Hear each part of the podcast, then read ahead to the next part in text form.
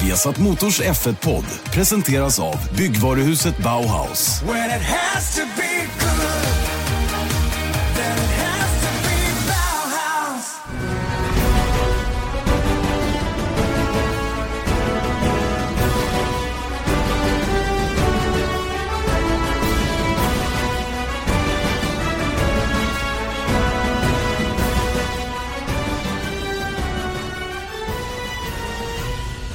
Hjärtligt välkomna till Formel 1-podden, Viasat Motors Formel 1-podd som eh, några dagar in i det sommaruppehållet kommer tillbaka. Janne Blomqvist och Erik Stenborg med Viasat Motors Formel 1-podd och vi ska, ju, vi ska ju naturligtvis snacka ner det senaste racet här, Ungerns Grand Prix, men också njuta av ett skönt sommaruppehåll, eller hur Erik? Du har redan smygstartat lite grann.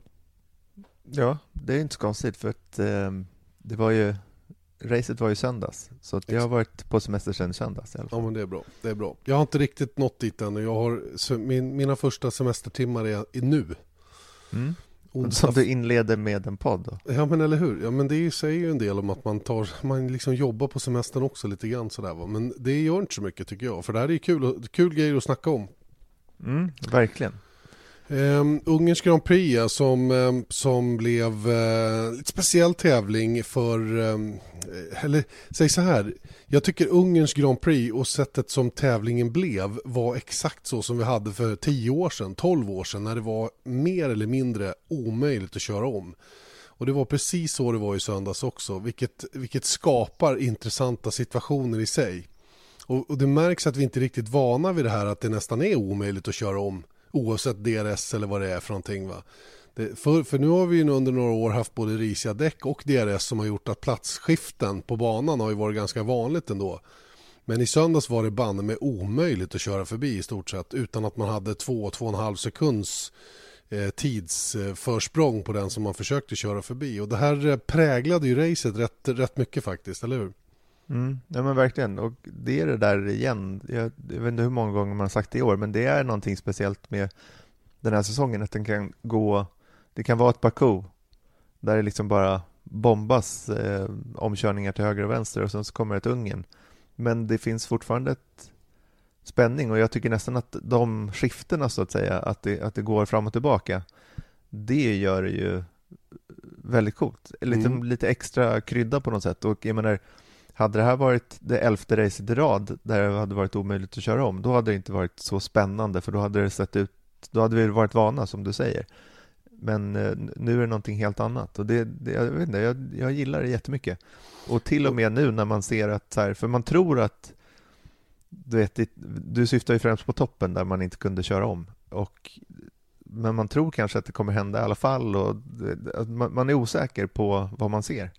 Ja, alltså man, man det blir ju så när vi också kommer till en tävling eller alla vi som sitter och tittar på så har man inte riktigt hundra koll på hur förutsättningarna kommer att ha påverkat eh, hur, hur förutsättningarna kommer att ha påverkats med det här nya reglementet när vi kommer just till Ungern. Då. Men långa svängar, korta raksträckor, det är dessutom svårt att ligga närmare en, en och en halv sekund bakom framförvarande bil just på den här typen av banor då med lite längre kurvor och, och eh, där det inte finns eh, raksträckor nog att, att liksom komma in under vingen på den framför och göra den där attacken om man skulle vilja.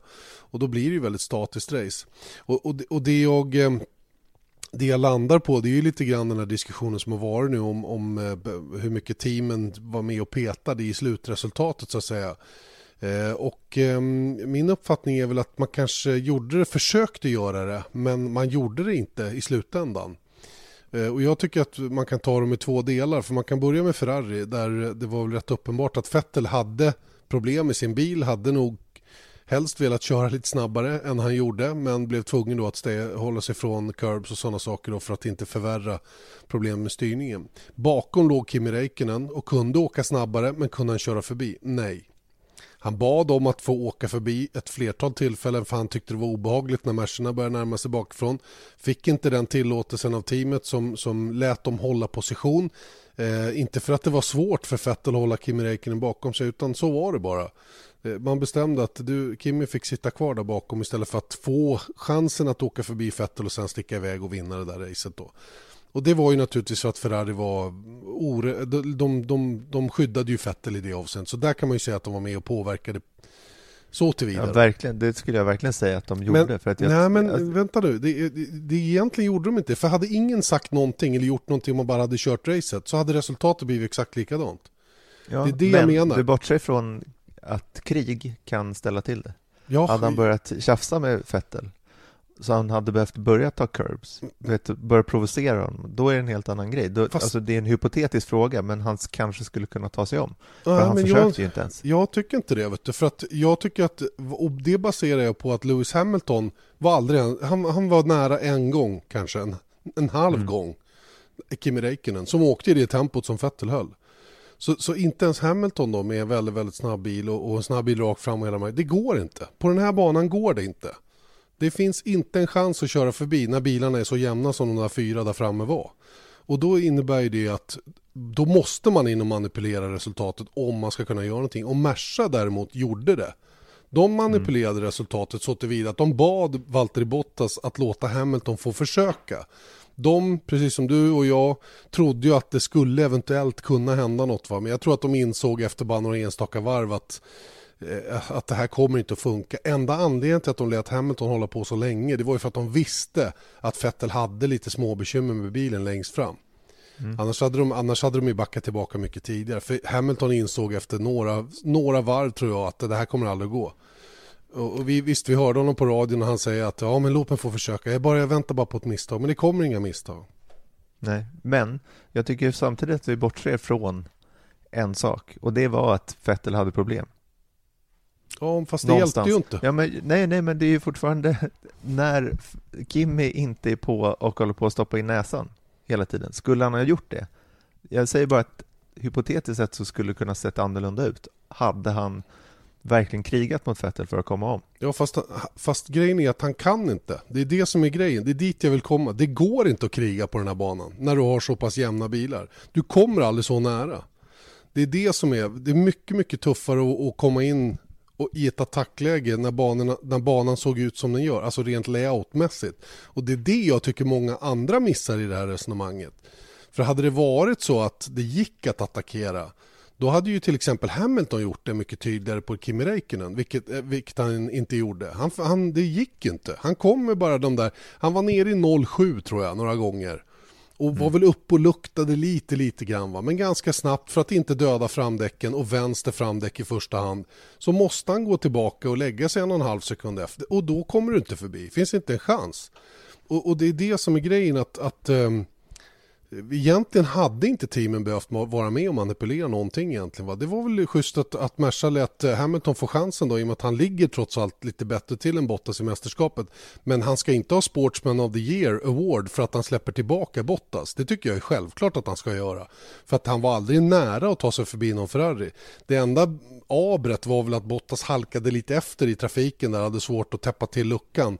Eh, nu löste ju det sig ändå, eh, trots att de hade förstappen som låg och jagade bakom. Va? Så att, däremot så kan jag hålla med många om att det är förvånande att Hamilton gjorde det med tanke på att han tappade tre poäng på det. Men han var nog inte beredd att ta den skiten i efterhand tror jag. Nej, och jag vet inte om vi ser på det här olika egentligen, men det, det är just det faktum att Formel 1-förarna och framförallt kanske Hamilton och Vettel är kanske de mest hänsynslösa människorna som går ett par skor, tror jag. I form av att det är egocentriska människor som vill vinna. Och jag menar, titta på vad, vad Vettel gjorde mot eh, Webber i Malaysia där, Mm. Multi 21. Och det var ju en typisk en sån grej som visar Exakt likadan vem, situation. Exakt, och vem, vem han är Mm. till exempel. Och han, jag tror, har väldigt svårt att tänka mig att Vettel hade släppt tillbaks. Speciellt nu, för han hade kunnat hävda då att, jag menar, jag menar Bottas, han var väl 300 meter minst längre bak. Uppemot två sju stycken- sekunder faktiskt ett Ja, tag. och och det, är, det är långt. Mm, Och är två jättelångt. stycken varvade bilar emellan som hade kunnat söka till det. Han var ju tvungen att släppa förbi ja, innan, vad var det, sista sektorn. Mm. Var Hamilton tvungen att släppa förbi tre bilar. Ja, alltså det rent praktiska, det är ju en annan sak. Att det vart Ja, krångligt. så det är där jag för bot- menar. Mm. Ja, och det är där jag tror att Hamilton hade lätt kunnat säga så nej men jag vill inte riskera eller liksom, förstår du? Mm. Ja, Men han gjorde det ändå och det är det jag tycker är lite speciellt. Inte Mm. att, han, att han bara bytte plats tillbaka om, om Bottas hade legat som en, som en eh, liksom blodigel på, på, på Hamilton, men nu gjorde han inte det. Han var, han var långt bak och Hamilton släpper av till den milda grad att han måste liksom He did the hämta right hem thing. sju sekunder. Ja, och det är där jag börjar tänka då att så här, varför ja, Dels så tappar han tre poäng Kan bli jätteviktigt Och sen så, men jag tror kanske att han ser det som en investering i relationen för att han tror nog att han har övertaget på Bottas på lång sikt. ändå ja, precis. Och, Och- när och han framför- visar det här så, någon- så kommer han få tillbaka det. Och någon skrev att han hade han, i med handlingen så köpte han han köpte eh, Bottas lojalitet i fortsättningen så att säga. Va? Mm. Och, och, och så kan det mycket väl vara. Va? Men som återigen, det, han ska inte hyllas för att vara en sån fantastisk sportsman för att han gjorde det rätta. Det är det jag tycker. Det, det där var det rätta att göra, släppa tillbaka. Punkt slut. Sen att omständigheterna blev som de blev och att, att eh, Bottas halkade lite för långt bak där, det är ju det är en annan sak så att säga. Va? Men, men eh, han, han ska inte ha några gratispoäng av den anledningen. Och han, nu var det ju så att han, han säger ju det i efterhand också. Han vill v, vinna VM på rätt sätt, vilket är lite fånigt. För Ja, alla, det alla, vill vinna, V- alla vill ju vinna VM oavsett. Liksom. Och man kan ibland vara lite extra hänsynslös. Och det har ju Hamilton varit i, bakåt i tiden också. Så att, eh, Ja, men ko- kolla bara på fjolåret. Det, Mm. det där hade aldrig hänt om han hade legat före Rosberg. nej. relationen var redan körd och jag menar, jag tror att Hamilton, eller han sa så faktiskt efter racet också, att han, att han liksom, att det var jobbigt att göra det, men han ville vara schysst liksom. Och det är där jag tänker att, apropå det här, liksom extra poäng för att han var en gentleman. Jag tycker, med tanke på att vi vet båda två hur den här världen fungerar, så tycker jag faktiskt att han förtjänar kanske en liten guldstjärna i kanten för att han gör det. Det är min Nej. åsikt. Ja, ja det, den får du absolut ha. Jag vet att det är många andra som har den också. Jag tycker absolut inte det. Jag tycker han gjorde det enda rätta. Och det, det är väl möjligen det han ska ha guldstjärna för att han gjorde det enda rätta. Ja, Men- och men- det, men- det är ju samma sak. Ja, ja sak. fast nu tycker jag att det blir mer så här, åh vilken fantastisk eh, sportslig gest ifrån Hamilton och släppa tillbaka. Ba- Alltså det är det tugget som har gått, framförallt i brittisk media som gick ju helt, de gick ju i spinn över att han var så ohyggligt bussig som människa. Och, och, och då, då blir jag lite provocerad av det i det avseendet att jag tycker att eh, om man, om man nu får någonting gratis av Bottas, Bottas, Bottas ställdes ju och parkerade, varsågod kör nu, lycka till, ta hand om Ferrari. Och så Visst. fick han, fick han dra förbi. Varför ska han inte då släppa tillbaka när han inte klarar av det, det uppdrag han faktiskt fick? Det är ju det är liksom det. Mm. Men Janne, Mm. då säger jag bara att det enda beviset jag tycker att vi behöver är att det här var inte helt självklart att det här skulle ske i den här världen. Och jag pratar igen om att jag förstår att moraliskt sett så, så fanns det inga andra val. Men när han kör i mål så kommer två stycken eh, team eh, personer från eh, Mercedes på radion och säger så här, oh thank you so much Mm. Eh, det här var perfekt, jättebra jobbat. Bottas säger “Thank you Lewis”. Sånt där. Så att ingen här var säker på att det skulle ske. Nej, nej, men det, det är ju aldrig någon som kan vara säker på det. Men det, det är inte... Det är, ja. Vi, Nej, men pratar, alltså, vi jag- pratade jag- runt om det. Jag Ja. menar bara att det, det är klart att ingen kan tygla Lewis Hamilton. Det finns inte en chans i hela världen. Och, och det blir ju en liten... Det blir att man rullar in en, en, en, en eh, handgranat på golvet för att se om den smäller eller inte. När, Mm. man, när man tar beslutet från teamets sida så att säga. Va? Och eh, Hamilton gjorde ju ett antal överväganden i bilen Ja, där han kom fram till att det som är bäst för mig just nu det är att släppa tillbaka Valtteri Bottas rent imagemässigt. Ja. Eh, hade han tittat enbart på VM-poängen hade han ju aldrig gjort det så att säga. Va? Så att någonstans, någonstans så känner han väl att det är, för nu har han ju det intressanta är ju också att han, han möter ju nu två förare. Nico Rosberg som var åt andra hållet, han var ju hänsynslös åt andra hållet. Och kunde ju spela ut, och lyckades dessutom spela ut Hamilton under förra året för att vinna VM-titeln trots att han egentligen inte hade pace för det riktigt. Ham, eller Bottas går ju den andra vägen, han är så här übertrevlig. Han är så trevlig så det går inte att vara, det går inte att vara taskig mot honom, va? förstår du?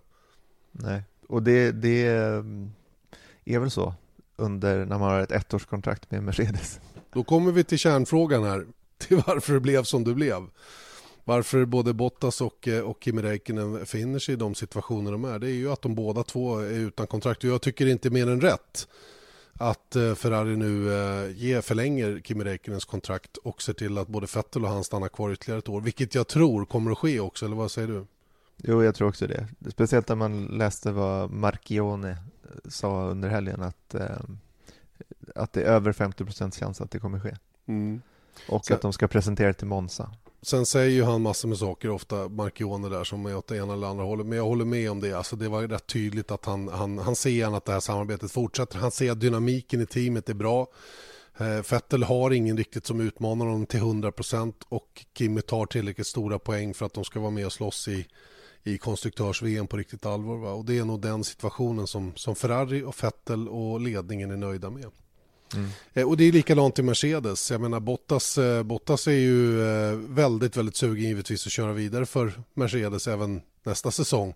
Så han får någon förlängning på ytterligare ett år. Sen har väl Mercedes varit ganska tydliga med att efter 18 så är man betydligt mer öppna för att titta vad som finns på marknaden i övrigt.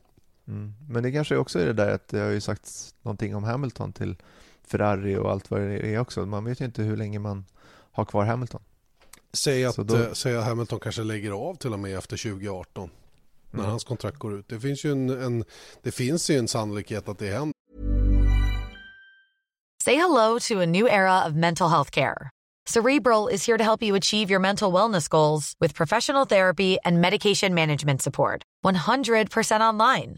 You'll experience the all new Cerebral way, an innovative approach to mental wellness designed around you. You'll get a personalized treatment plan from a therapist, prescriber, or both in a safe and judgment free space. Your cerebral therapist or prescriber will outline a customized plan with clear milestones along the way so you can get to feeling your best. With Cerebral, you're not alone in your mental health journey. We're here to empower you to live a fulfilling life. So take that first step towards a brighter future and sign up today at cerebral.com slash podcast and use code ACasts to get 15% off your first month. Offer only valid on monthly plans. Other exclusions may apply. Offer ends July 31st, 2024. See site for details. I alla fall, han, han är inte purung längre och har ju vunnit en hel del och säg att han tar någon eller några titlar till då, han kan ju vinna i år också, så, så, um, så har han kanske uppnått det han vill och då kastar han in handduken. Mm. Han har ju annat för sig också. Om man han, har, han har ju det. Du, eh, sen var det väl allmänt lite grinigt i Ungern senast eh, kändes det som. Eh, efteråt mm. i alla fall var det ju två gubbar som rök ihop lite grann. Det har ju vevats runt både på våra, våra i våra kanaler och, och, även på andra då, som, som tog bilderna som du påpassligt skickade ut då. Mm. Det här Suck att, my balls. Honey, Just det. Mm. Nej, är... nej, vet du, vet du det, här, det här är kanske den största eh, grejen runt hela det här uttalandet. Vi pratar såklart om att eh, Kevin Magnusson och Nico Hylkenberg inte var bästa kompisar i den mixade zonen efter racet mm. och eh, Hylkenberg kommer fram till, till Magnusen och eh, säger så här, ja, än en gång så är du den mest osportsliga föraren på griden. Och eh, mitt under pågående intervju, vilket är ganska... Det är drygt. Eh, ja, det är rätt taskigt faktiskt av, av Hylkenberg att göra det på det sättet, för han vet ju liksom, det var ju en provokation av Guds nåde. Mm. Men Kevin Magnusons gut reaction var ju Suck my balls och så säger han mate. Jag har mm. kollat mm. på vårat klipp, det är inget mm. snack om att han okay. säger suck my balls mate. Men, tittar du på andra klipp så säger han honey. Jaha. Så, så på något sätt har någon, nej nej nej, det här det är, är någon som det, har gjort. Det är manipulerats med andra ord. Ja. Det är någon som jag fuskar. Jag är helt övertygad. Ja, fake news. Fake news. Han sa inte honey, han sa mate. Mm. Suck my balls mate. Det förändrar ju inte medlandet på något sätt känner jag. Absolut inte, men, men det här är ju extraordinärt ändå. jag tycker det är fantastiskt att du har rätt ut det här nu så att vi kan mm. liksom sova gott på nätterna.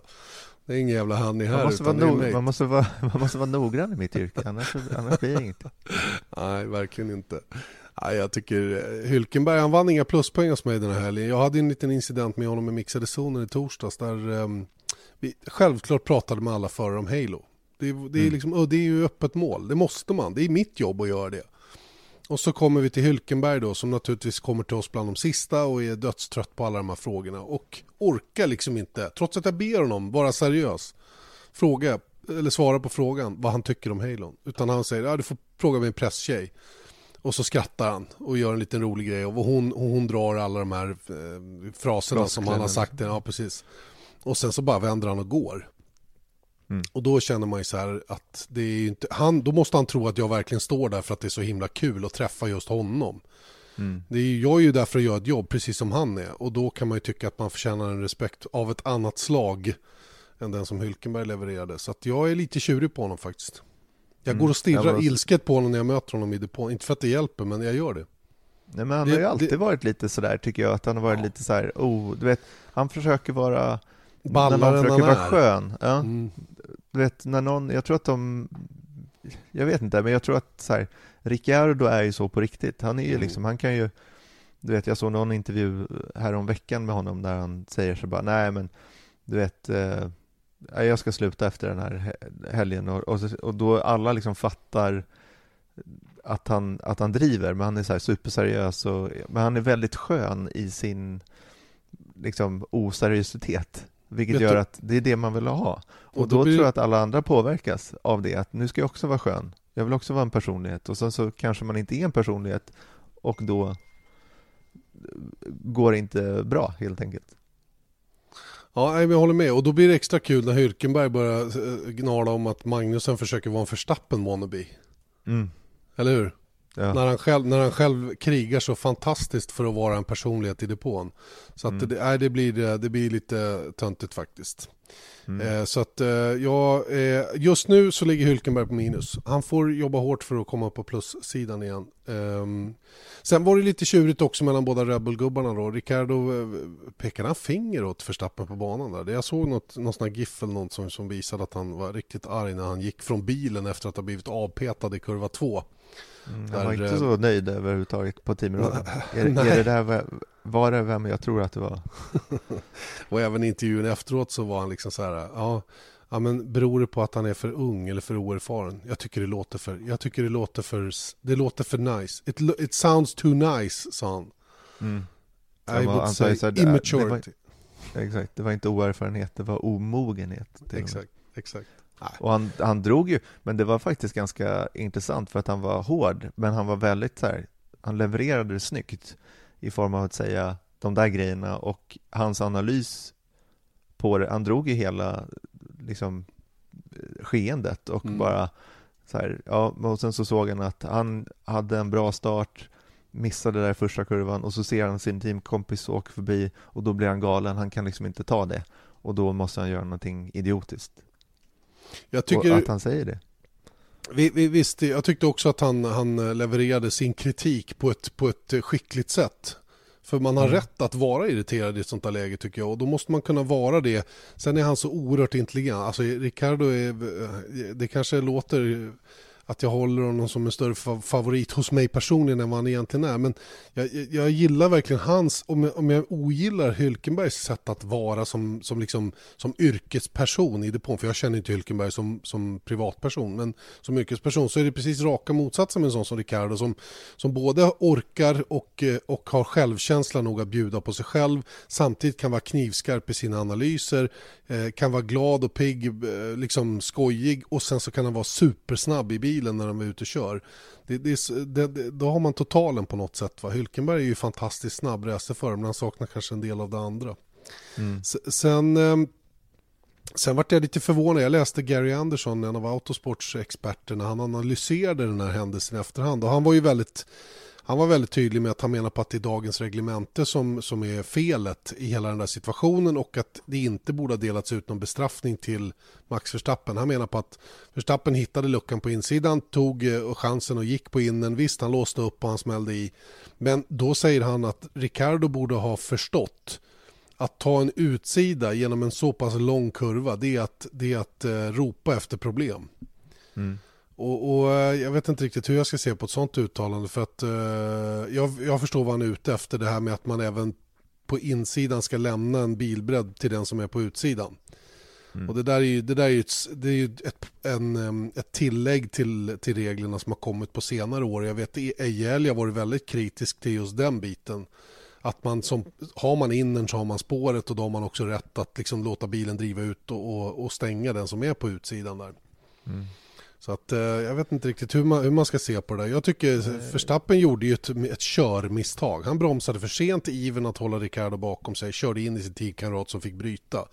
Punkt. Mm. Han fick 10 sekunders tidstillägg. Jag tycker att hela den situationen var rätt glasklar efter det. Det var väl en rimlig bestraffning på någonting som blev tråkigt för Ricardo men som inte skulle ha ett större straff för så. Det var ingen vårdslös körning på det sättet. Nej, det var inte så att han inte bromsade eller liksom sånt där heller. Så den situationen har jag faktiskt inga problem med. Men däremot så förstår jag, alltså hela problematiken är ju att som Eja har uttryckt det, är att förr i tiden när det var lite mer osäkert så var det självbevarelsedrift som man gjorde att man behövde inte ha de där reglerna. Det var inte tillräckligt säkert helt enkelt att eh, hålla på på det viset. Att vara För, på yttern menar du? Nej. Nej, att nej. då bara, oh, oh, du vet, nu kanske han plogar in mig så exploderar jag och så dör jag. Liksom. Det, det var tillräckligt eh, mycket motivation man behövde för att, för att inte vara där.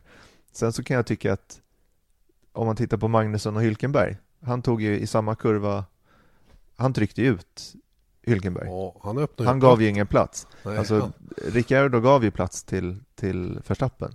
I varje fall i den delen av kurvan. Medan mm. Magnusson bara glider ut och, och, trycker ut. Det tycker jag var fulare. Det var en klarare bestraffning, ja precis. Och, mm. och eh, jag hänger på ditt resonemang där lite grann om självbevarelsedrifterna. För det är väl det som Gary Andersson är irriterad över. Att man har infört en regel som, egentligen, som han menar på inte behövs. För att mm. i, och mm. med att, eh, i och med att man inför regeln där du måste kunna åka även på utsidan så bjuder in till den här typen av incidenter som egentligen då enligt Andersson inte behöver bestraffas. Nej. För att det är den på yttern som har satt sig i en situation där, han, där risken att bli påkörd blir så stor så att man borde egentligen inte ha varit där. Nej. Men jag tycker också att eh, har man ett någorlunda modernt sätt att se på saker och ting så är det ju också bra att man kan åka över hela banan. Eller hur? Använda all ja, asfalt. Mm. Sen, sen, får man ju också vara medveten om fysikens lagar och sådana saker. Att är man på utsidan i en sån lång sväng så är det precis som du var inne på. Risken att den killen på insidan plogar ut lite grann och har svårt att styra in är ju oerhört stor. Och då sitter man ju lite pyrt till där på utsidan, helt klart. Mm. Ja, men man tittar på Magnusson, att hans problem var ju inte att han understyrde ut och det blev ett misstag som gjorde att Hylkenberg hamnade långt ut utanför banan. Utan det var ju, han hade kunnat släppa lite och lämnat en bilbredd. Och det gjorde han ju inte och det var ju det han blev bestraffad för, mm. helt enkelt. Ja, oavsett, de är inga kompisar i alla fall. Inte just nu, men det sägs att de tog en öl och redde ut alltihopa, jag vet inte. Ja. Alltså Ricardo Verstappen. Ja, de, de gjorde nog det. Men ja, jag tror nej, Hulkenberg och Magnusson, de, de kommer inte att dricka bira på, på överskådlig tid. Det tror jag verkligen jag tror inte det heller. Oavsett om man är en honey eller en mate. Japp. En Hörru, mate, du, igen. ja. Det vi kan bara sammanfatta Ungerns Grand Prix med att Vettel går till ledning med 14 poäng. Tack vare, mm. på grund av, beroende på hur man ser det, att eh, Kimi Räikkönen då inte fick köra förbi, eller lyckades köra förbi beroende på hur man ser det. Och att Lewis Hamilton då Eh, trots att han blev omsläppt av, hem, av eh, Valtteri Bottas gav tillbaka tredjeplatsen när han inte lyckades ta sig förbi Ferrari-bilarna. Och därvid lag så har vi 14 poängs skillnad då mellan Vettel och Lewis Hamilton in i detta sommaruppehåll. Det är absolut ingen katastrof för Hamilton. Det är ett skön, en skön lucka för Vettel att ha. Eh, tre poäng som, som Hamilton eh, så att säga då, inom citat gav tillbaka då eh, kan ju bli avgörande i slutändan. Men eh, det, det, öppnar ändå upp för att den här eh, andra halvan av säsongen eller efter sommaruppehållet kommer att bli oerhört spännande med några fina banor för, för Mercedes nu närmast med Spa och Monza då, som kommer efter varandra. Mm. Ja, och det är där jag tror att på, på så sätt så är det rätt skönt att ha Ferrari i, eller Vettel i en ganska stor ledning eftersom det känns som, ja, vad ska man säga, att Ungern helgen som skulle vara så mycket bättre för Ferrari-bilen än för, för Mercedesen.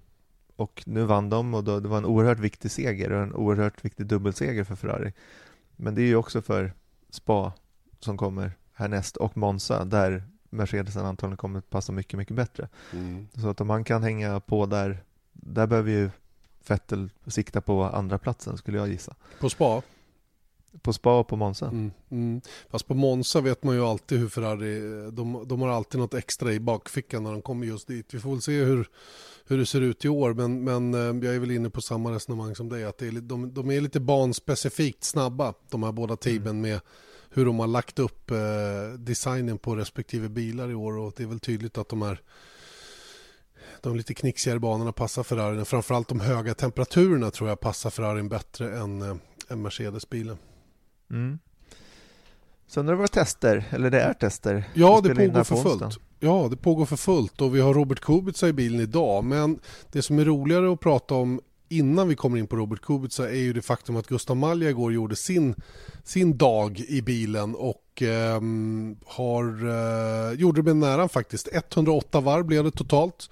Eh, jag var med och såg halva dagen i alla fall och framförallt hörde lite grann hur tugget gick där nere i depån och vad han gjorde på banan och så vidare. Va? Och, eh, om jag har förstått det hela rätt, eller jag har fått rapporter nu faktiskt alldeles nyss om att han gjorde ett väldigt, väldigt bra jobb i bilen, Gustav Malja. Eh, en del som kanske faktiskt blev lite förvånade över hur bra det här jobbet blev eh, gjort från hans sida. Eh, riktigt bra feedback under eftermiddagen och dessutom en, en skaplig varvtid i slutändan då, en 21,5 gjorde han på, på Supersoft i slutändan och ehm, jag vet att bilen kördes relativt tung, betydligt tyngre i alla fall än flera av de andra bilarna som körde under testen. Jag tänker på F2-kollegan Charles Leclerc då, som var allra snabbast. Han körde nog inte med den mängden bränsle som, som Gustav Malja hade i Sauberbilen.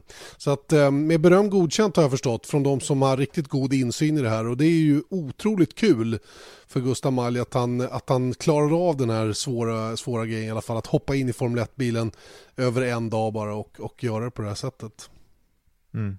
Nej, men det är, alltså, jag är bara glad över att vi hade en svensk i bilen och att, han, eh, att det gick bra helt enkelt. Mm. Det är ju skitkul.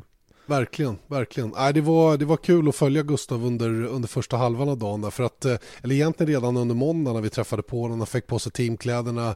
Eh, han var ju så oerhört laddad. Han var glad, du vet, du vet så här förväntansfull mm. som man kan vara när man var mindre eller yngre, då, då liksom bara sprattlade, man väntade på julafton typ. Det var verkligen den känslan från Gustav Malje, trots att han naturligtvis är professionell och, och, och liksom lugn i det avseendet va? Så, så kände man på honom att det här var verkligen någonting han hade sett fram emot så oerhört länge. Det han var lite sur över och tyckte var tråkigt det var att det inte gått något vidare i Formel 2 fram till nu egentligen. Det har varit rätt trögt i år. Eh, vilket gjort att eh, ja, det, det, är inte, han kommer inte med de resultaten som gör att han är självklar på en Formel 1-test. Och det tyckte han var lite surt ärligt talat. Va? Och det kan jag förstå att han gör. Va? Men att då gå in och göra det här fina jobbet som vi får rapporter om, det är ju, det är ju fantastiskt måste jag säga. Ja, jättekul verkligen. Och sen så, men hur var han? Alltså, för jag kan ju verkligen se men tänk dig själv, alltså det som vi gjorde på Anderstorp, det var ju liksom kanske 2 procent av att köra Formel 1 på riktigt. Kanske en procent. Men jag var uppfylld i flera veckor efteråt. Och det här är en person som är, jag menar, det här är ju drömmarnas mål, eller vad man ska säga. I varje fall ett första steg till drömmarnas mål. Att jag menar, köra gokart hela sitt liv och tävlat och hålla på med det här och ha det som sitt yrke och sen så helt plötsligt så har man, står man på tröskeln i alla fall till, eller att i varje fall få prova det. Mm. Det är liksom i minsta fall, det, må, det är ju enormt stort. Verkligen. I... A lot can happen in the next three years. Like a chatbot may be your new best friend. But what won't change? Needing health insurance. United Healthcare Tri-Term Medical Plans are available for these changing times. Underwritten by Golden Rule Insurance Company, they offer budget-friendly, flexible coverage for people who are in between jobs or missed open enrollment. The plans last nearly three years in some states, with access to a nationwide network of doctors and hospitals. So for whatever tomorrow brings, United Healthcare Tri-Term Medical Plans may be for you. Learn more at uh1.com. Say hello to a new era of mental health care. Cerebral is here to help you achieve your mental wellness goals with professional therapy and medication management support. 100% online you'll experience the all new Cerebral Way, an innovative approach to mental wellness designed around you. You'll get a personalized treatment plan from a therapist, prescriber, or both in a safe and judgment free space. Your cerebral therapist or prescriber will outline a customized plan with clear milestones along the way so you can get to feeling your best. With Cerebral, you're not alone in your mental health journey. we're here to empower you to live a fulfilling life. So take that first step towards a brighter future and sign up today at cerebral.com slash podcast and use code ACasts to get 15% off your first month. Offer only valid on monthly plans. Other exclusions may apply. Offer ends July 31st, 2024. See site for details. Du frågar hur han var och, och eh, som jag beskrev tidigare då innan så var det ju väldigt så här eh, glatt och pikt och, och upp, eller ja, upp uppsluppet, så kanske jag ska säga. Eh, sen när vi kom till, eh, till gårdagen när det var dags att byta om, då märkte man hur han slöt sig mer och mer i sig själv och koncentrerade sig på det han skulle göra. Och, jag menar, alla de här detaljerna som, som eh, man måste kunna på ratten bara för att överhuvudtaget kunna framföra den här bilen på ett vettigt sätt. Eh, manualen till den där ratten är ju inte att leka med och den måste man helt enkelt ha pluggat in. Och jag, jag såg eh, den andra testföraren då som kör idag, Nobuharu Harumatsushita, han gick och läste det där bladet med vad alla funktioner på ratten är för någonting i stort sett hela tiden då för att ja, för att helt enkelt hålla sig uppdaterad. Och sen var det ju då eh, bara som, som Gustav sa till oss också, för övrigt ska vi berätta att det kommer i reportageform där i samband med Belgiens Grand Prix för övrigt, hela den här, hela den här grejen som man var med om igår. Och eh, det, det handlade om att utföra det som teamet ville att han skulle göra på banan. Och det handlar ju om i början då att köra lite aeroruns. De hade satt på rake-utrustning för att mäta lite lufttryck och ja, några nya detaljer på bilen. Sen när det var klart så var det tio varvsstintar i stort sett hela tiden. Att åka ut, köra tio varv, komma in, köra tio varv, komma in. Och sen sakta men säkert då bekanta sig med bilen, bygga fart, lyssna på ingenjören. Det fanns lite att fila på, framförallt under inbromsning och sådana saker som, som man behövde putsa på. Men framåt eftermiddagen, om jag förstått det hela rätt, så gick det ju oerhört bra. Eh, som sagt, bra, hyfsat bra varvtid sett till hur bra Sauberbilen är och dessutom då väldigt fin feedback tillbaka till teamet. Så att, eh, jag tror faktiskt att den här dagen kan ha, kan ha gjort att Gustav Malja med, med all säkerhet kör vidare ett år till i F2 till exempel, vilket är tillräckligt bra i nuläget. Jag tror han har en bit kvar innan han skulle vara aktuell för en plats i Formel 1, men, men eh, att köra vidare i F2 och verkligen få, få visa de fina resultaten, det kan ju vara bra nog så att säga. Ja, verkligen. Ja, och, och det är ju allt man kan önska sig varje fall från vår position, att så här, det, det, är kul alltså nu med, vi har sagt det många gånger förut, men vi har en svensk F1, vi har en svensk Formel E, vi har en svensk F2, vi har i DTM. Svensk F3. F3, absolut. Och jag menar, det, det är starkt nu och det, det är bara, bara positivt. Ja, ingen tvekan. Och just Formel E och Formel 3 där är vi ju dessutom med upp i toppen på riktigt allvar. Lite tyngre då som vi sa i Formel 2 i år och självklart inte alls med i toppen i Formel 1. Men det är ju beroende på andra saker så att säga än, än eh, förarkvaliteter. Så att mm. eh, vi får väl eh, vi får hoppas de bygger vidare på det. Vi ska, det ska vi faktiskt prata lite mer om längre fram i den här podden. Det här med vad som händer i motorsporten rent allmänt nu för det har ju varit ganska stora beslut som har kommit den senaste tiden. Men vi avvaktar med det lite grann och håller kvar ögonen på den här testen då. Robert Kubica kör ju idag alltså och det här är ju någonting som diskuteras fram och tillbaka hela tiden. PR-trick eller på riktigt? Ska han göra comeback?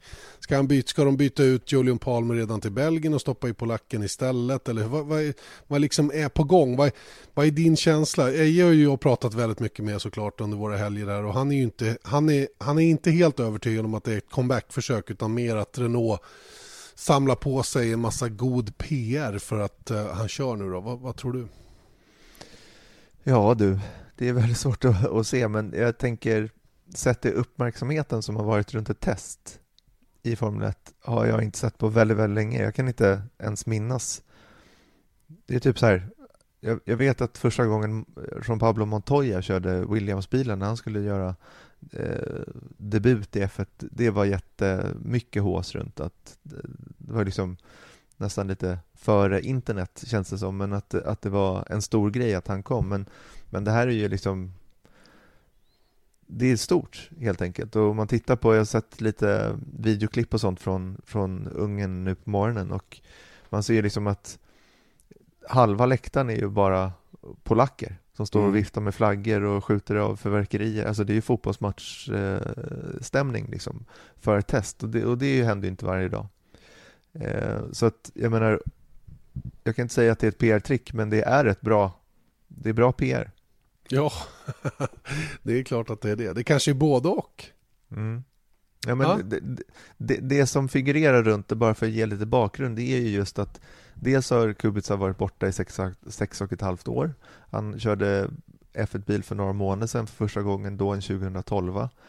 Och det här är då första gången han kör nya generationens bilar och med Eh, motor och allt vad det innebär med liksom inställningar på ratt och eh, break-by-wire och state of charge och allt vad det nu är som man måste hålla på och pilla med jämt på ratten. Och problemet är att hans högra hand är, han är handikappad helt enkelt. Han har otroligt mycket mindre, jag kan inte säga hur mycket, men han har mycket mindre rörlighet i sin högra hand än, än normalt kan man väl säga. Eh, och han måste ha speciallösningar på sin ratt då för att han ska växla upp och ner och koppla med en hand. Vilket gör då att man kan ju fråga sig vilken hand gör han inställningen med om man ska växla upp och ner med en hand och han kan ju inte göra allt med en hand helt enkelt. Nej, så är det. Skäligen i alla fall. Nej.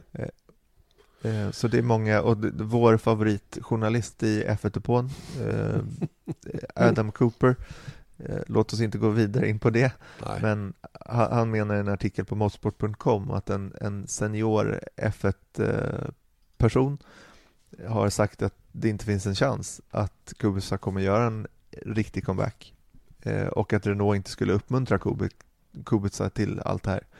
Eh, och då går vi även in då på Ejes tvivel runt det här då, vilket är väl just huruvida han klarar eller inte.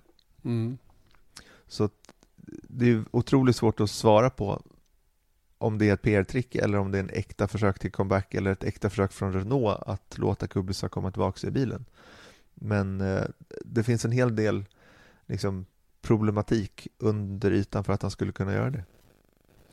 Ja, jag, jag vet inte på vilken fot jag ska stå riktigt. PR-trick eller på riktigt. Jag hoppas det är på riktigt. Av hela mitt hjärta faktiskt så hoppas jag att han är så pass eh, så att han är så pass med att han faktiskt kan köra en modern bil.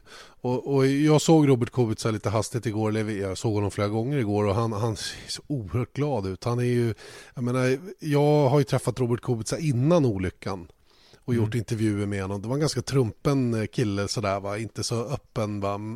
Men nu, han, han, är, han, är, han, är ju givetvis äldre och, och, och har lärt sig massa saker i det avseendet men han är helt eh, avslappnad. Jag kände ett tag efter olyckan där att han drog sig undan lite grann. Han var inte så sugen på att visa hur han såg ut och eh, armen var ju kraftigt illa tilltygad. Nu har han inga problem att gå runt i en kortärmad tröja och man ser ju tydligt hur smal högerarmen är och hur fingrarna inte riktigt lirar till 100% och alla de här bitarna. Va? Det, det är klart att det är ingenting att hymla om nu längre att det, att det är på det viset. Va? Det är bara att hoppas att det går att, att, eh, att specialtillverka grejer som gör att han faktiskt kan leverera på samma nivå som de övriga. Rent körmässigt tror jag inte det är några konstigheter. Naturligtvis är det ju så, kör man bara med ena handen och mer supportar med den andra så, så gör man ju saker annorlunda. Och, och har han den kapaciteten att anpassa körningen efter sina efter sina handi sitt handikapp, ja då är han ju en ännu större förare tycker jag. Mm. Ja men verkligen. Och jag tror att vi kan konstatera att han menar allvar i alla fall. Mm. Och sen så får man ju se vad, vad eh, Renault säger då. Och det är ju lite hypotetiskt snack här för att vi kommer väl veta lite mer i eh, efterspelet kring den här testdagen då. Men, men eh, det vore ju väldigt, väldigt kul. Och om man ser då till att Kubica 2011 ansågs ju vara med i den här riktiga elitklicken av F1-förarna tillsammans med Hamilton, Alonso och, och Vettel och kanske Räikkönen på den tiden i alla fall. Eh, så skulle det gå att han kommer tillbaks så kan det ju vara en, en, en ett guldkorn för Mm. Renault. Dels PR-mässigt och men även körmässigt. Ja, nej jag håller med. Jag, jag kan, inte, kan inte göra något annat. Eh, Det, det är ju eh, fascinerande då med, med Robert Kubica och, och hela den här grejen som har varit. Och nu, eh, nu pratar man ju om det här med att göra comebacker rent allmänt. Hur svårt det är att vara borta Mm. från sporten och sen komma tillbaka in. Sex och ett halvt år sedan han tävlade och det kanske är så lång tid till och med så att det här inte riktigt blir en comeback utan att det här blir nästan som en nystart. Jag vet inte. Mm. Ja, om man tittar på bilarna han körde 2011 där är ju väldigt, väldigt annorlunda. Det kan man ju Mm. konstatera i minsta fall. Absolut. Ja, Och kolla på hur det gick för eh, Schumacher. Han var inte ansedd att vara en dålig förare direkt. Och, eh, men när han kom tillbaks till Mercedes så var det ju inte någon superhöjdare direkt. nej. Nej, och då hade han varit borta från däcken. Så in, innan han la av körde han Bridgestone och när han kom tillbaka körde han Pirelli och alla de här bitarna. Och det är ju samma sak för, för 11 var väl sista året som han körde Bridgestone, var det inte det? Mm. Eller var 11 Ja. första året med Pirelli? Nu vart jag osäker. Det var ju dumt att ge mig in på den diskussionen. Men ja, ja. Mm. Hur som helst har ju däcken från 11 till 17 förändrats väldigt, väldigt mycket. Så det är ju mycket att lära i det avseendet också. Och det enda Men han det har är för en kört rookie också. Vad sa du? Det är det för en rookie också. Ja, jo, men så är det ju. Så är det ju. Mm. Nu tror jag i och för sig att det är lättare med den här generation, nya generationen bredare däck som är mer tåliga än de som var innan då som var väldigt sköra och krävde en viss typ av behandling då för att kunna plocka ut varvtiden ur dem. Mm.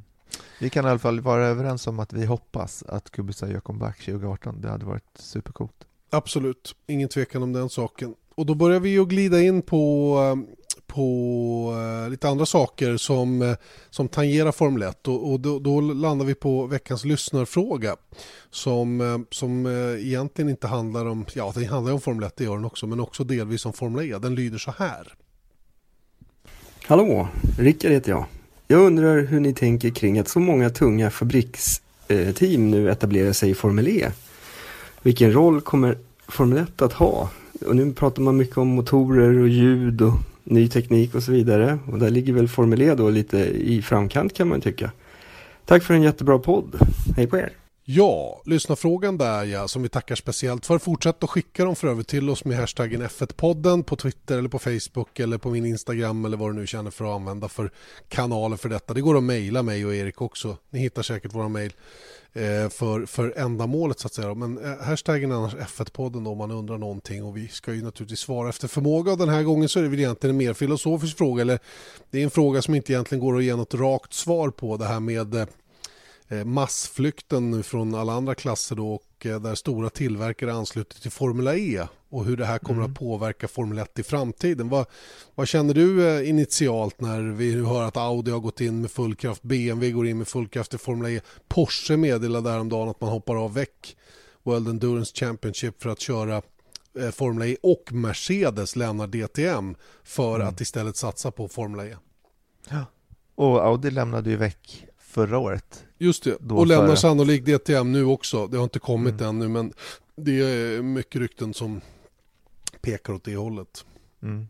Ja, men för det första så måste man säga att det är en, ett enormt grej för motorsporten för att det som egentligen händer är att de har ju ihjäl DTM och om man tittar på Porsches beslut då att följa efter eh, Audi ut ur, ur väck så dödar egentligen det också. Hur kommer Le Mans se ut nästa säsong med bara Toyotor eventuellt och kommer Toyota ställa upp om man kör ensam i en klass eh, i LMP1? Det känns ju lite...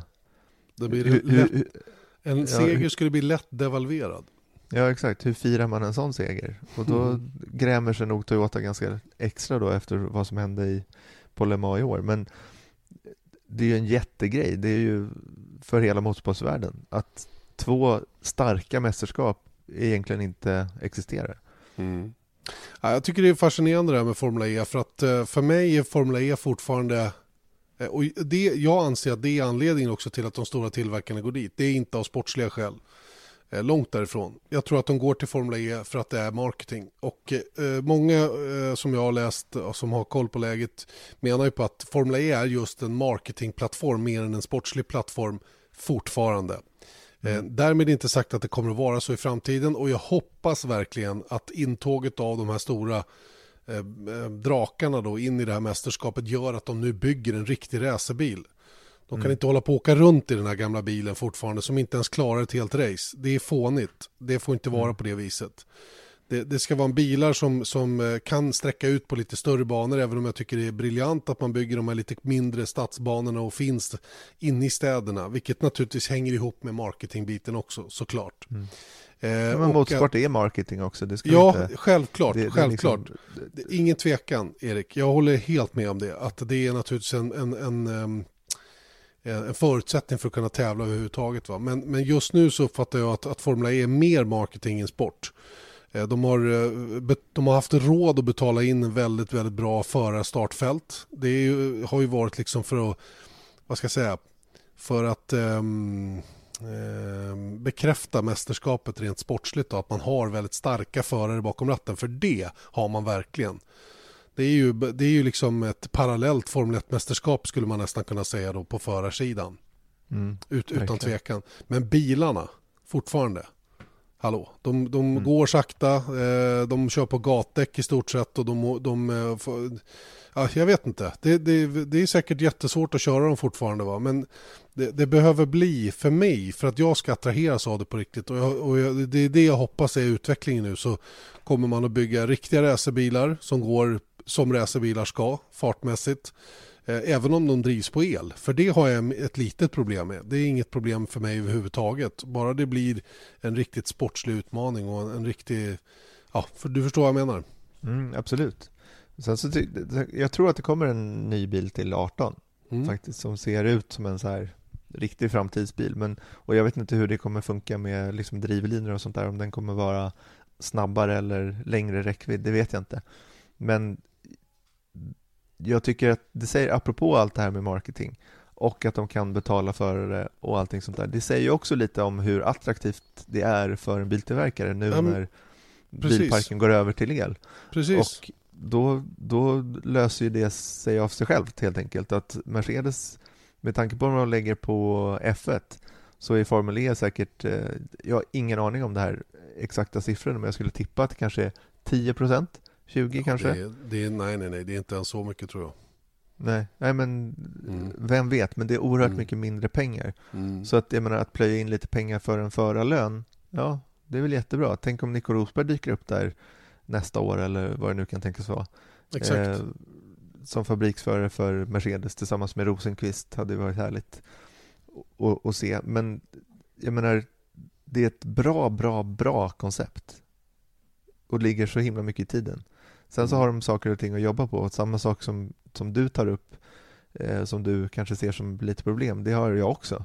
Men jag tänker bara på intresset och, och det här är ingen Men det är inget liksom- intresse. Det är, ju, det är ju en chimär lite grann. Det är ju, de, det är ju inte speciellt mycket folk på de här racen och, det, grejen är att det, har, det får mer medialt intresse än det kanske förtjänar på många sätt.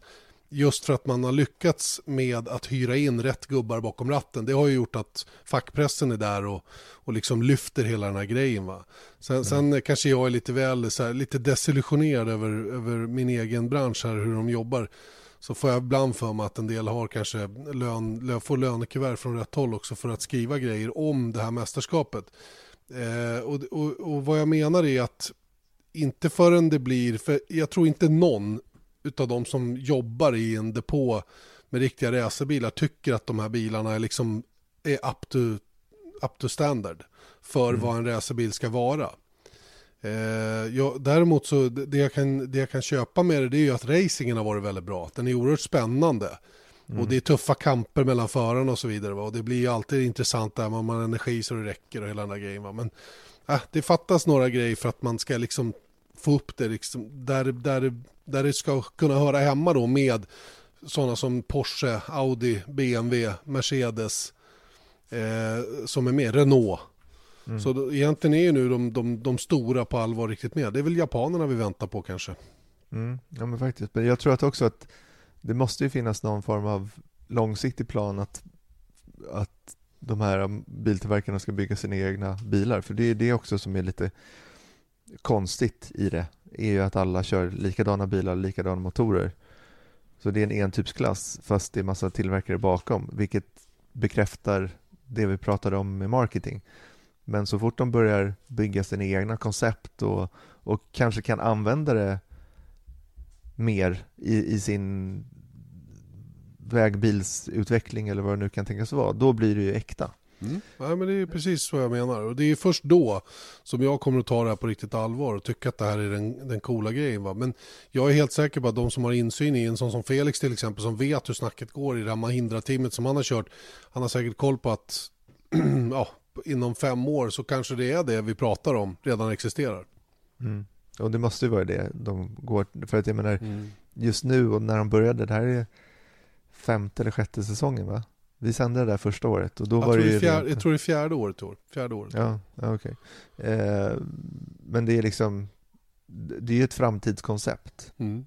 Helt enkelt, för att se hur det går. Men då kan man ju undra så här, och apropå eh, lyssnarfrågan, tittarfrågan höll på att säga. Eh, vad lämnade F1 någonstans?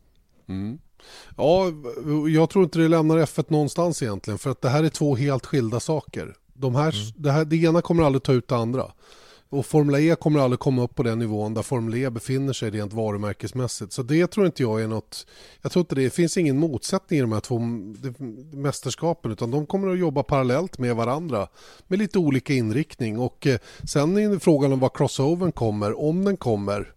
Där mm. man känner att ja men du Formel 1, ja nej men nu ska vi nog svänga över åt, eh, åt det elektriska hållet istället och så vidare. Va? Och, då, och då kommer det och, och då kommer Formel 1 att självförintas på något sätt.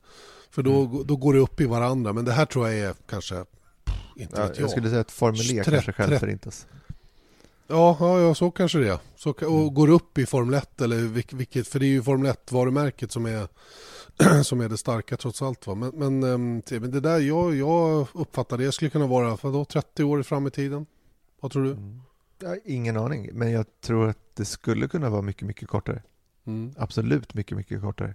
Tidigare Med tanke på, ja, mm. eftersom att eh, allt det här utvecklas och att, jag menar, titta på vad Tesla och sådana här biltillverkare gör, så är det ju, jag menar, utvecklingen kommer gå väldigt, väldigt, väldigt mycket fortare än vad det har gjort de senaste tio åren. Just när folk börjar se att det finns en business i, i eh, el. Alltså risken är ju hela tiden att när tillverkarna kommer in så skenar ju kostnaderna. Den dagen det vi efterfrågar där de måste börja bygga sina egna grejer och utveckla sina egna grejer och man, det handlar om att vinna på ett annat sätt eh, baserat på vad man själv producerar för, för bil då, då, är ju, då kommer vi snart ha kostnader som motsvarar det man har i Formel 1 redan. Mm. Där man hittar olika lösningar på att få drivlinan att funka bättre. Eh, ja, och, och chassi, på chassisidan finns det naturligtvis massor att göra också. Då. Sen är ju frågan om vilken typ av racing Formel E ska vara. Ska det vara den här lilla 2 km slingan inne i städer? Ja, då kommer vi aldrig ha bilar som påminner om Formel 1, ever. Utan då är det ju de här lite långsammare varianterna däremot kanske med en bil som klarar ett helt race utan att behöva bytas mitt i loppet för att batteriet inte räcker till. Sådana grejer. Det, det, där är ju, det där är ju stora beslut som de som sköter de här två serierna måste prata om så att säga. Men jag hade gärna sett elracing på riktiga banor. Det hade väl varit fränt. Mm. Ja, men jag är övertygad om att det kommer också. Mm. Om man tittar på, på räckvidd och, för det är det som är problemet, räckvidd och eh, laddtid och batteripackarna. Det är där eh, man är begränsad så att säga och speciellt om man ska köra full gas liksom. Då, då är det ju, jag menar, kör du en Tesla på, på en bana så då räcker inte den 35 mil liksom. Nej. Eller? Nej, det är så. Jag har ingen koll alls på de här bilarna. Jag, jag har förstått men... att man, om man ska få den maximala räckvidden så behöver man åka i ganska stillsamt tempo. Ja, men det är ju samma sak som en bensinbil. Om, om du. Ligger på 10 000 varv eller 3 000 varv så drar det mer bensin. Så det är ju samma mm. princip. Men jag tror att utvecklingen kommer gå väldigt mycket fortare än vad den gjort de senaste tio åren, de kommande tio åren. Vilket gör att, jag menar, inte vet jag, det kanske är liksom, men om man tittar på motorreglementet till, på F1 2021, då kanske det kommer att vara en elmotor eh, med i ekvationen, fast kanske mindre avancerat än vad det är i, i, idag, just för att locka eh, motortillverkare och bilfabrikanter till Formel 1 eller att hålla sig relevant. Men att eh, det kanske kommer bli mindre och mindre fossilbränslemotorer eller förbränningsmotorer allt eftersom åren går. Mm. Och sen till slut så är man över där. Just det. El. Så har det glidit, det kan, glidit ja. över av sig själv. Mm. Och det kanske tar 20 år eller 30 år eller 10 år men, men eh, jag menar, är el framtiden så, så kommer man till slut tävla mer i F1 också. Ja, det, är väl, det tror jag också. Däremot så de här två serierna i dess upp, upplägg som de har just nu, de kommer aldrig att, att toucha varandra på det sättet. Det tror inte jag i alla fall. Nej, men framtiden får utvisa. Det är en väldigt ja. spännande grej och man kan nog konstatera att eh, de båda håller ganska god koll på varandra. Både mm. FIA sanktionerade så att säga. Så att... Varför inte ha förare som kan dubblera? Det vore väl kul. Nu krockar de ju väldigt många helger. Det tycker jag är korkat. Så mm. att man inte kan titta på dem ungefär samtidigt. Det är väl jättetråkigt. Och framförallt, Erik, har vi inte lyft fram Felix Rosenqvist tillräckligt tycker jag. För att han har ju varit fenomenal i år och har anpassat sig till den här typen av racing på, på nolltid. Kommer in som rookie och eh, ja, lite behöver väl några tävlingar att komma in i det men sen har det ju varit topprestation efter topprestation och segrar och pole position och, och, och mm. riktigt, riktigt stark och, och är slutligt trea i mästerskapet. Eh, årets rookie, jag menar, det är sjukt bra gjort. Mm. Och med, understryker... Med, med det här Mahindra-stallet också som inte har vunnit någon gång förrän i år. Nej, exakt. Och eh, med en stark teamkamrat också, Nick Heidfer. Jag måste säga att han, eh, han imponerar. Han visar återigen den här allroundheten som, eh, som få förare besitter. Men mm. som, vad kan man säga, Mattias Ekström är väl också en kille som är hyggligt allround. Men, men Rosenqvist är ju fenomenal på att anpassa sig snabbt till olika saker som han kör. Och får mm. mycket cred för det. Var ju och testade för Chip Ganassi igen i USA för, för Indycar. Och det är nästan där jag hoppas att han hamnar nu i en mm. riktig racerbil i riktigt, riktigt starkt motstånd och till exempel få se Felix på Indy 500 nästa år. Det vore ju cool. Hur cool mm. som helst. Ja, det vore riktigt häftigt faktiskt. Mm. Och mm. I Formel E kanske. Dubbla Indycar och ja, Formel E kanske. eller hur? Varför inte? Det är väl en alldeles utmärkt dubblering. Eh, det är om detta då. Eh, hoppas att vi svarade någorlunda på frågan i alla fall som, eh, som ställdes här kring eh, Formel E versus Formel 1 då. Eh, tipset, är det någonting att lyfta den här gången? Ja... Eller? Ja, både och, skulle jag var, säga. Var det ett halvdassigt resultat alltså? Ja, nej, men eh, du eh, trodde på Hamilton i pole. Jag trodde på Bottas i pole. Just det. Noll, eh, noll. Noll, noll, noll. Och sen så trodde vi båda på Vettel som racevinnare. 1-1. Så då står det 9-11 till Jan Blomqvist. Just jag, det. Och du trodde Verstappen som fastest lap och jag trodde Just Räikkönen. Och vem hade kunnat gissa på Fernando Alonso? Nej, det är coolt ju. Det är ju riktigt fränt tycker jag. Och eh, jag måste säga att efter gårdagen också när jag satt och kollade på testerna Van Dorn körde, de är ju på en helt annan nivå nu helt plötsligt. Mm. McLaren som eh, slog som främsta positionerna rakt genom hela dagen. Han fick se sig slagen med några hundradelar i slutet där, Van Dorn mot Charles Leclerc i Ferrari. Men jag menar, McLaren Ferrari, det, det låter ju som 2001. Eh, eller 1999, mm. ja inte ens det, för Ferrari var, jo det var starkare då. Ja men säg 2001 mm. eller där, där kring i alla fall. Mm. Så att eh, jag tror faktiskt att eh, McLaren och Honda är på väg åt rätt håll och det bars in grejer, jag lovar dig. Motorer, golv, vingar, allting i depån igår som skulle testas så att man vilar inte på hanen direkt. Och mm. under en sån här test så får man ju dessutom köra hur mycket motorer man vill och, och testa nya lösningar för framtida behov och, och um, onekligen med sett till resultatet som, som McLaren gjorde. Visst, de var en sekund per varv långsammare än den som vann eh, med mm. Fernando Alonso. Men oavsett det så den, den eh, fina placeringen kan de bara ta med sig och, och, bygga vidare på. Och jag undrar om det inte var så att man lyckades behålla Fernando Alonso eh, även 2018 med, med resultatet i Ungern. Mm, det kan säkert påverkat, men det, det man ska komma ihåg är också att anledningen till att de inte hade några problem kan ju ha varit att de offrade egentligen två helger innan dess för ja. att eh, plocka in nya prylar i Alonsos bil, vilket gjorde att den höll. Och som du säger, på testerna så hade den också, då, då är det inga, de här fem motorerna som man ska hålla sig till, eller fyra va? Fyra, fyra är det under år. Fyra, ja, under fyra. Mm. Eh, de går inte på den, eh, det kontot så att säga. Så att, att det håller nu är jättekul, men det fanns anledningar till det, tror jag också. Mm.